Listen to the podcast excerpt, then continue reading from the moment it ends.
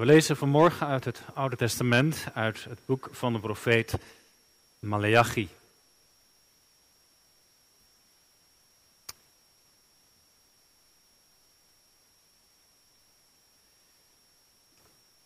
Malachi is altijd een beetje een uh, ja, bijzonder boek, het laatste boek van het Oude Testament. Daarna lijkt het stil te vallen.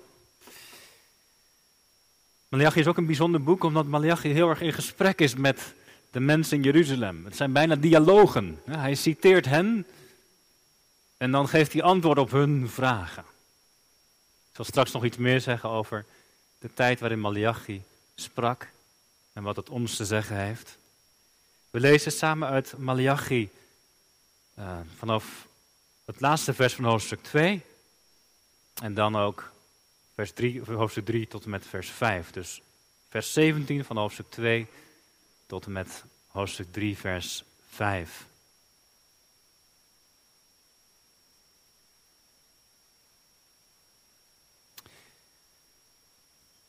Het woord van onze God klinkt als volgt. Malachi, jij spreekt hier tot de priesters, tot de mensen van Israël. U vermoeit de Heer met uw woorden. Toch zegt u, waarmee vermoeien wij hem? Doordat jullie zeggen, iedereen die, goed, iedereen die kwaad doet, is in de ogen van de Heer goed. Hij is hun genegen. Of waar is nu de God van het oordeel? Zie, ik zend mijn engel, die voor mij de weg bereiden zal. Plotseling zal naar zijn tempel komen die Heer die u aan het zoek bent, de engel van het verbond in wie u uw vreugde vindt. Zie, hij komt, zegt de Heer van de legermachten. Maar wie zal de dag van zijn komst verdragen? Wie zal bij zijn verschijning stand houden?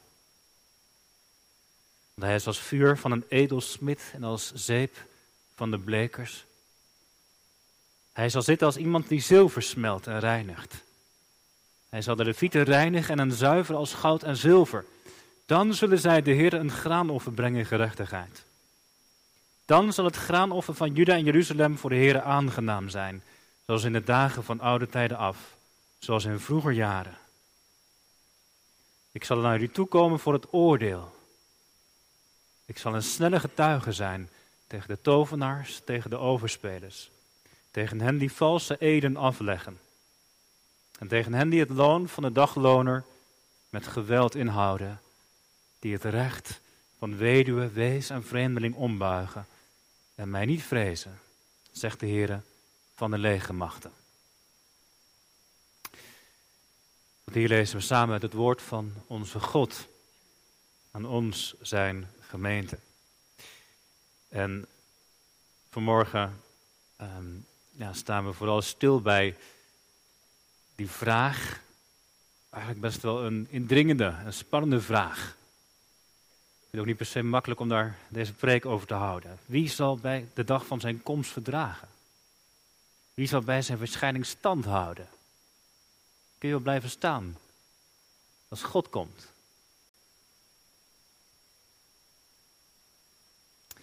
Gemeente van ons Heer Jezus Christus hier in Gouda. De mensen in Jeruzalem zijn het vuur kwijt. En niet letterlijk, want er worden offers genoeg gebracht en het vuur op het altaar brandt. Maar ze zijn, om het zo te zeggen, de innerlijke drive, het heilige vuur, kwijtgeraakt. Zo noemen we dat. Als je, als je ergens niet meer vol voor kunt gaan. je hoort het mensen ook wel eens zeggen. Topsporters bijvoorbeeld, als ze een stap terug doen. Het heilige vuur, dat had ik niet meer. Misschien heb je dat zelf ook wel eens zo ervaren. Dat je ergens helemaal voor kon gaan, helemaal in vuur en vlammen voor stond, maar dat je het later kwijtraakte. Dat je je niet meer zo ertoe kon zetten. Als je het boek van de profeet Malachi doorleest, dan proef je een soort gelatenheid bij de mensen in Jeruzalem. Het is de tijd na de ballingschap, volk van Israël was in Babel, Babylonië, weggevoerd. En dit is de tijd na de ballingschap. En het nieuwe begin, dat leek zo veelbelovend. De tempel werd herbouwd. Profeten zoals Haggai en Zacharia, die hadden de mensen aangemoedigd. Er klonken woorden van hoop, van toekomst. De realiteit valt tegen. De mensen raken teleurgesteld. Er zijn na een aantal jaar nog, nog steeds maar weinig Joden teruggekeerd. En politiek zelfstandig is het volk ook niet. Ze moeten gewoon belasting betalen en zo. De oogsten leveren ook niet zoveel op. En de vraag begint aan zich, aan, aan, aan, bij op te kruipen. Is dit nu de glorietijd van Israël die God beloofd had en die de profeten beloofd hadden? Is dit nu de tijd waarin God zichtbaar, merkbaar aanwezig zou zijn? Waar de mensen buiten Israël ook door zouden worden aangestoken? Is dit nu wat ze hadden verwacht? Is dit nu wat de profeten hadden beloofd? Jeruzalem en een paar nou ja, kilometer eromheen, dat was maar een klein gebied. Maar, klein, maar een beetje mensen. De tempel stond er wel, maar dat was het dan ook. En ze trekken hun conclusies. Je hoort ze zeggen. Malachi, jij citeert ze. Maar wat maakt het ook uit? Waarom zouden we nog ons best doen voor God? Moeten we niet gewoon dealen met wat we om ons heen hebben? Wat maakt het eigenlijk voor verschil als je je helemaal inzet voor God? Je, je kunt bijna net zo goed je eigen ding doen, dan, dan gebeurt er ook niet zoveel met je. En ja, ze komen nog wel naar de tempel. Ze brengen nog wat offers, maar hun hart is er niet meer echt bij. Het kan ook wel een keertje minder met die offerdieren. Dat collectegeld. En zorg voor elkaar wordt minder. Je moet maar gewoon je eigen boontjes doppen. Een leugentje om best wel hier, een ruzie daar. Het geduld is sneller op. Dat is wat je proeft als je dat boek van Malachi doorleest. Gelatenheid. En de priesters, de geestelijke leiders, ze zien het door de vingers. Want ja, wat, wat kunnen ze zeggen? Zij zitten in dezelfde omstandigheden. Het is een algeheel gevoel van, van teleurstelling, van, van hoop die als een kaarsje uitdooft, zou je kunnen zeggen. Ze zeggen tegen elkaar, we hebben het gelezen, als je kwaad doet, dan is dat in de ogen van de Heer goed. Dan lijkt het alsof hij je juist zegent. Als je een beetje voor jezelf opkomt, met je ellebogen werkt, nou, dan lijkt het alsof het je voor de wind gaat. En waar is God nu die oordeelt? Wat maakt het eigenlijk allemaal uit als je probeert om goed te doen? Wat maakt het voor verschil?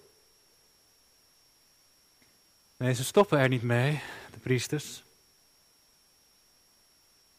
Maar het heilige vuur zijn ze wel kwijt.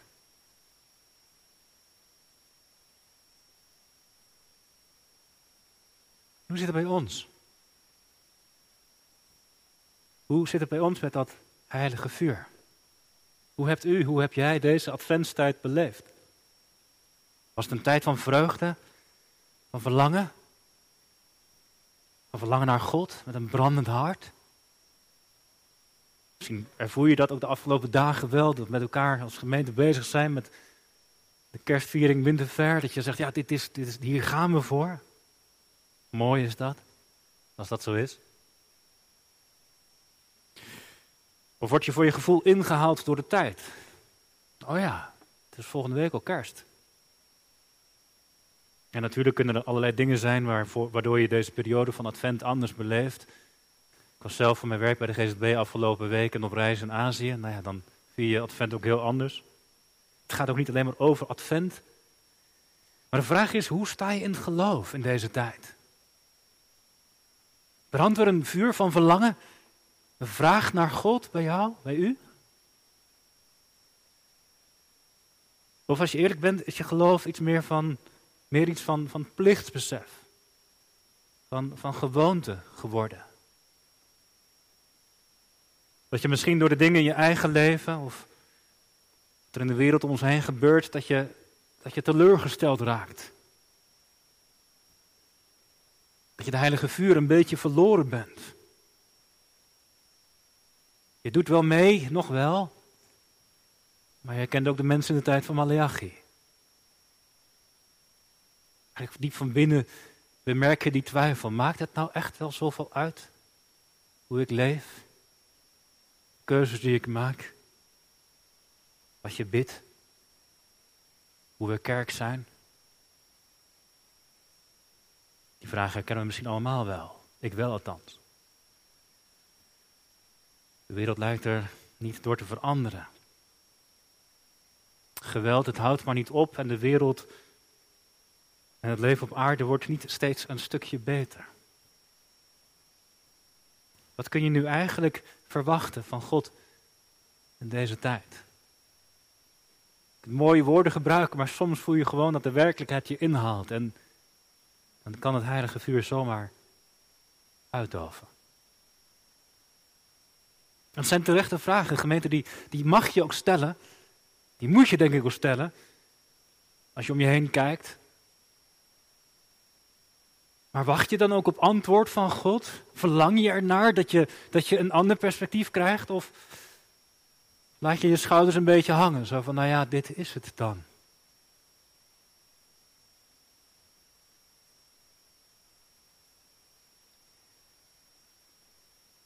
Zie, hij komt, zegt Malachi. Dat is waar jullie toch naar uitzien, roept hij de priesters toe en het volk. Dat is toch waar je op hoopt, dat God naar Israël komt en dat hij Israël weer op de kaart zal zetten. Dat de tempel weer bruist met mensen overal vandaan. Dat er weer voorspoed is als God maar komt. Nu hij komt.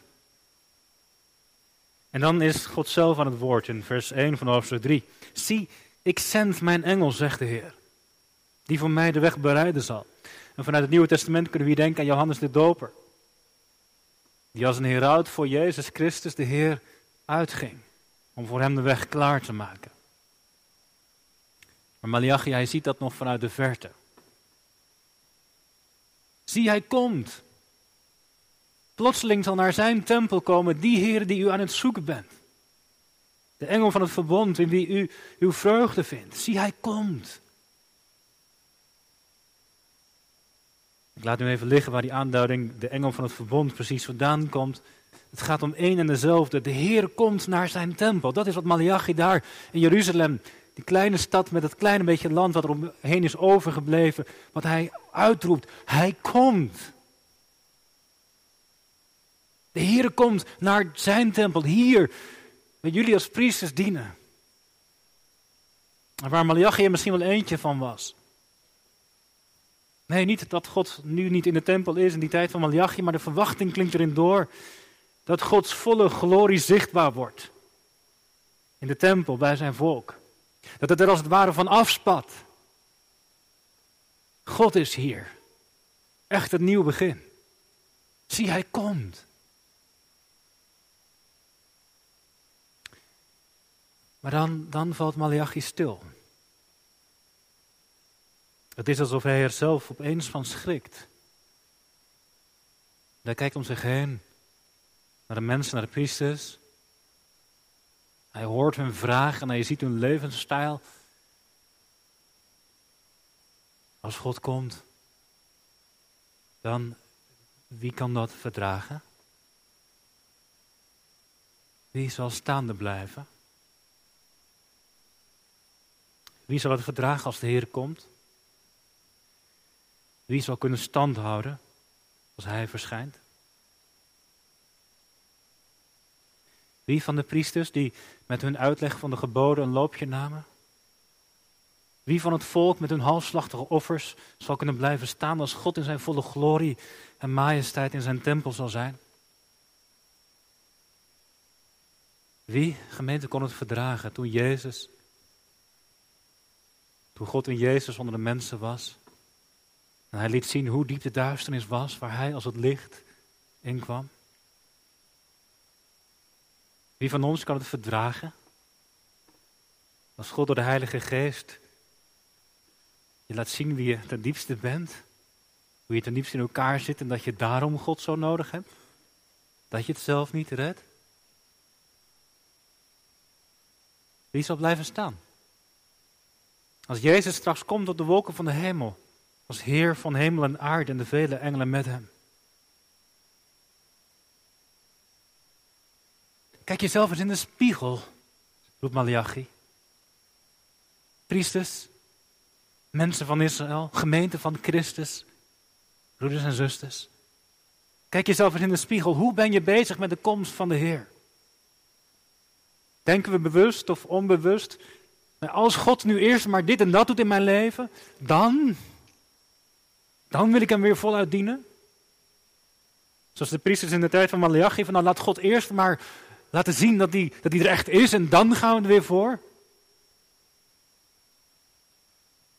Maar, maar vergeet je dan niet de werkelijkheid dat God bij ons is, ook vandaag. Ook nu. Of is dat juist waar je aan vasthoudt? Dat God bij ons is door zijn geest. Dat Christus is gekomen en dat hij heeft gezegd, ik ben met jullie alle dagen. En zingt u het mee, zing jij het mee met dat oude lied, hoe wilt u zijn ontvangen, hoe wilt u zijn ontmoet? Is dat wat er diep van binnen leeft? Wat er in mijn leven, in ons leven misschien ook veranderen moet als u met uw geest maar bij mij bent. Als wij als gemeente maar vol mogen zijn van u. Heere God, we weten wel, ik weet wel dat we niet kunnen blijven staan, maar, we willen toch een nieuwe nabijheid zijn. Gelukkig. Gelukkig ben je als je zo uitziet naar de komst van de Heer.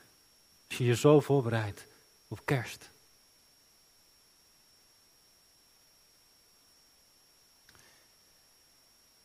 Ik vind het trouwens wel indringend wat Malachi hier zegt. En er zitten ook twee kanten aan. Aan de ene kant is het absoluut de genade en de liefde van God dat Hij naar ons toe komt. Het is genade van en de liefde van God dat Jezus in de wereld is gekomen. En dat de Geest ook nu waait en, en bij ons is. En dat Christus weer zal komen om alle dingen nieuw te maken. Maar tegelijk is het ook confronterend. Kerst, dat is Gods licht in onze duisternis. Het is God die mens werd in onze plaats, omdat wij in ons mens zijn zo vaak falen.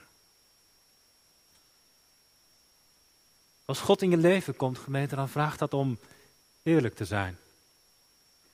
Om je eigen excuses los te laten om uit te spreken dat je God nodig hebt. Dat kan soms best wel veel kosten. En in Malachi lezen we als God komt, dan komt hij om orde op zaken te stellen. Om het heilige vuur weer te laten branden waar Israël dat bijna had laten uitdoven. Het heilige vuur dat aanstekelijk moet werken voor de mensen, voor de volken om hen heen. God is heilig. Jezus is de heilige Zoon van God. Hij is Jezus vol liefde, maar dat maakt hem nog geen lievertje. Wie kan blijven staan als hij komt? Welk argument heb je nog, priesters in Jeruzalem? Welke reden kun je inbrengen om niet voluit voor God te leven? Malachi, hij roept ons op om in de spiegel te kijken. Om ons zo voor te bereiden op de komst van de Heer.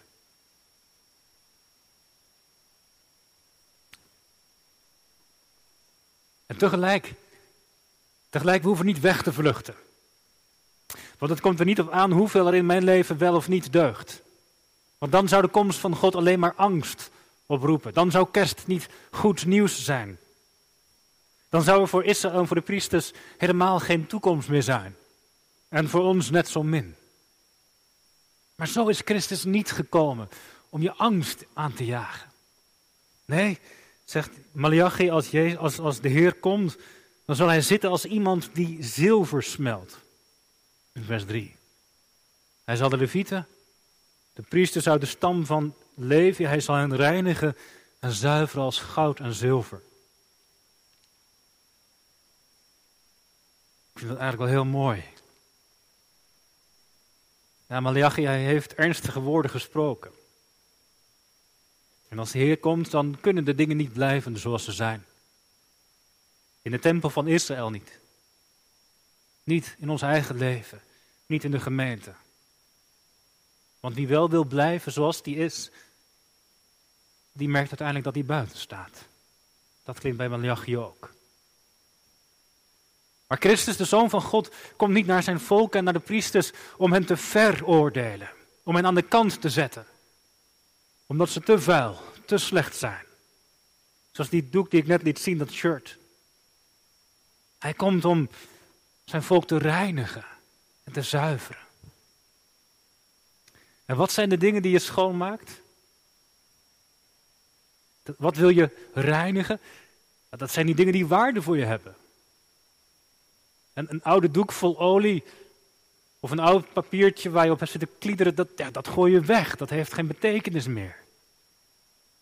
Maar een zilveren armband of een horloge dat in de modder valt, dat maak je juist schoon. Dat, dat doe je niet weg. Dat reinigt je. En zo zegt Malachi, zo komt God naar zijn volk toe. Hij reinigt de priesters als zilver en goud. Ze zijn voor God, wij zijn voor God van grote waarde.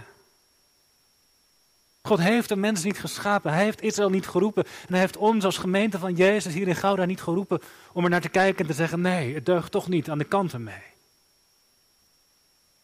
Christus is niet gekomen om te veroordelen. Ook niet als hij in je leven dingen aanwijst die moeten veranderen. Dat is niet om je te veroordelen of om je af te wijzen.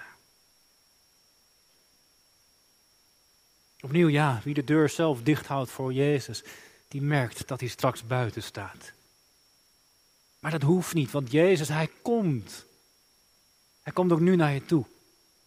Hij staat aan de deur, zegt hij, en hij klopt. En hij staat niet aan de deur om met één blik op ons leven te denken van, nou nee, dit, dit, dit wordt het toch niet. Je hebt het te erg verprutst. Nee, hij komt om ons nieuw te maken, om ons weer te vernieuwen. Hij zal de priesters reinigen en zuiveren zodat ze voor hem in gerechtigheid, in oprechtheid en eerbied en liefde hem weer offers zullen brengen. Want daarin vindt hij vreugde. En over wie gaat het hier? Wie zijn die priesters die Jezus, die de Heer dan komt reinigen? Het is mooi als je het boek Handelingen leest, dan zie je dat bij de eerste gelovigen ook grote groepen priesters waren. Maar we weten dat in het Nieuwe Testament ieder, iedere gelovige een priester is. Wij zijn een koninkrijk, een gemeente van priesters. Om met ons hele leven en alle keuzes die we maken, God te aanbidden. En om zo te leven dat de mensen om ons heen in ons het beeld van God kunnen zien. Zo klonk het ook in de wetslezing die we lazen uit Romeinen 12. Dat je met je hele leven God een offer brengt. Nou, heel concreet, wat je dagelijkse leven, wat uw dagelijkse leven ook inhoudt, dat je vraagt aan God, Heere God, hoe kan ik mijn werk vandaag zo doen dat de mensen, dat ik andere mensen erdoor kan zegenen? Hoe kan ik in de keuzes die ik maak zo, hoe kan ik ze zo maken dat u daarin uw vreugde vindt? Hoe kan ik zo leven? Vandaag, morgen. Dat mensen om mij heen iets kunnen zien van wie u bent. En als je vragen hebt bij het geloof, als je afvraagt of jij mij wel bij mag horen of u, laat je dan niet afschrikken. Jezus komt om de dingen recht te zetten, om jou, om u, om onze recht op onze voeten te zetten. Hoezeer je misschien ook schaamt voor de keuzes die je maakt. God had deze wereld zo lief dat hij die niet weggooit als een oude doek, maar dat hij er zijn enige zoon voor gaf, Jezus Christus.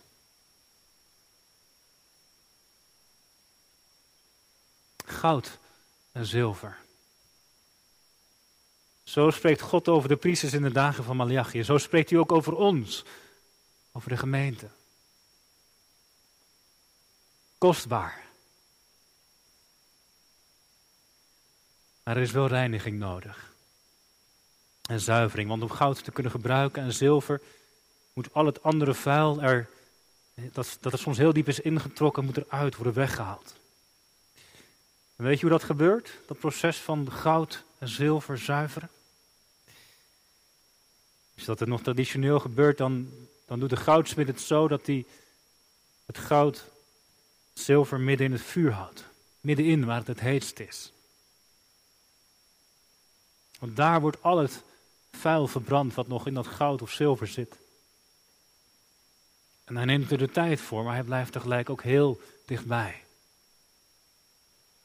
En weet je, weet je wanneer het zilver zuiver is? Of het goud? Het is als de smid zijn eigen spiegelbeeld in het goud en het zilver kan zien.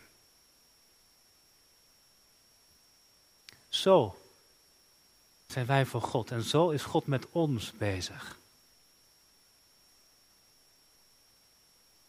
Als je deze adventstijd verlangt naar Gods merkbare aanwezigheid in je eigen leven of in de gemeente, dan is dat een verlangen dat God zelf in ons hart legt. Hij komt in ons leven. Hij komt nabij. Hij is gekomen. Dat is zijn belofte. En dat betekent dat hij ook gaat schoonmaken.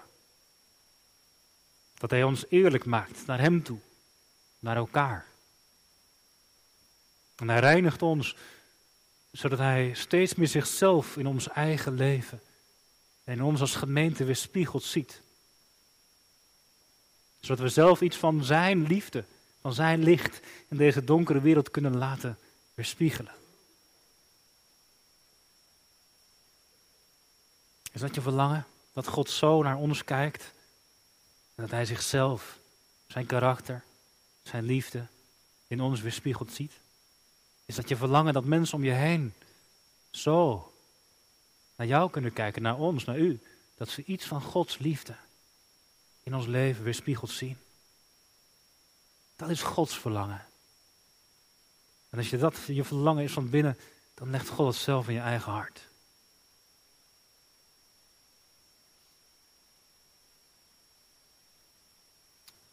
Ik had even overlegd met Gerben over welke kinderlied we zouden zingen. Want het andere lied dat ik bedacht is dat lied wat we allemaal kennen over de pottenbakker. Kneed mij, Heere God. Ook als het soms wel eens pijn doet, want u weet precies hoe ik zijn moet. Het kan pijn doen. Als God komt. Als hij met ons aan de slag gaat of met ons verder gaat. We denken aan een GZB-collega in Libanon. Die vertelde over de pijn en het verdriet dat ze ziet bij de mensen om zich heen. Het raakte haar ook en ze voelde zich soms machteloos. Wat ze zei raakte mij. Ze zei: Als wij bidden om steeds meer op Jezus te lijken die geleden heeft, dan moeten we niet verbaasd zijn dat God ons juist daarom ook in situaties van lijden kan brengen. Niet als straf, maar om in de moeite ons geloof te beproeven. Ons geloof dat veel meer waarde heeft dan zilver of goud. Het kan pijn doen als je met jezelf geconfronteerd wordt. Het kan pijn doen als de Heere God je duidelijk maakt dat je bepaalde keuzes niet meer moet maken. Als je radicaal moet breken met verkeerde gewoontes, of misschien ook wel met de mensen die daarbij horen. Niet omdat je hen afwijst, maar omdat je merkt dat hun aanwezigheid je geen goed doet. Het kan pijn doen als je aan elkaar moet beleiden. Dat je fout zat. Het kan pijn doen als je een weg moet gaan die je niet begrijpt. En je afvraagt hoe God dit nu wil gebruiken. Waar dit nu goed voor is. Het kan pijn doen als de verhalen van onze broers en zussen wereldwijd, de verhalen van armoede vaak, ons confronteren met hoe wij deel uitmaken van systemen van onrecht. Het kan pijn doen Als de Heer Jezus bij de wederkomst misschien ook wel de tijd neemt om dingen tussen kinderen van Hem recht te zetten. Als kerkmuren omvallen of wat dan ook. Maar als het pijn doet, dan is dat niet om ons te straffen. Maar om in ons beeld van God zichtbaar te maken. Zodat de mensen om ons heen, door ons heen, God ook kunnen zien. De gemeente, laten we zo kerstfeest vieren dit jaar. Waar het in de wereld om ons heen steeds donkerder lijkt te worden, daar bidden wij, kom Heer met uw licht. Schijn in deze wereld. Schijn in ons leven. Reinig ons. Heilig ons. Ook als dat soms wel eens pijn doet. Maak ons nieuw. Mag ons leven ons kerk zijn. U vreugde geven. Als een offer dat aangenaam is voor u. En waardoor de wereld ziet dat kerst betekent. Jezus is Heer. Amen.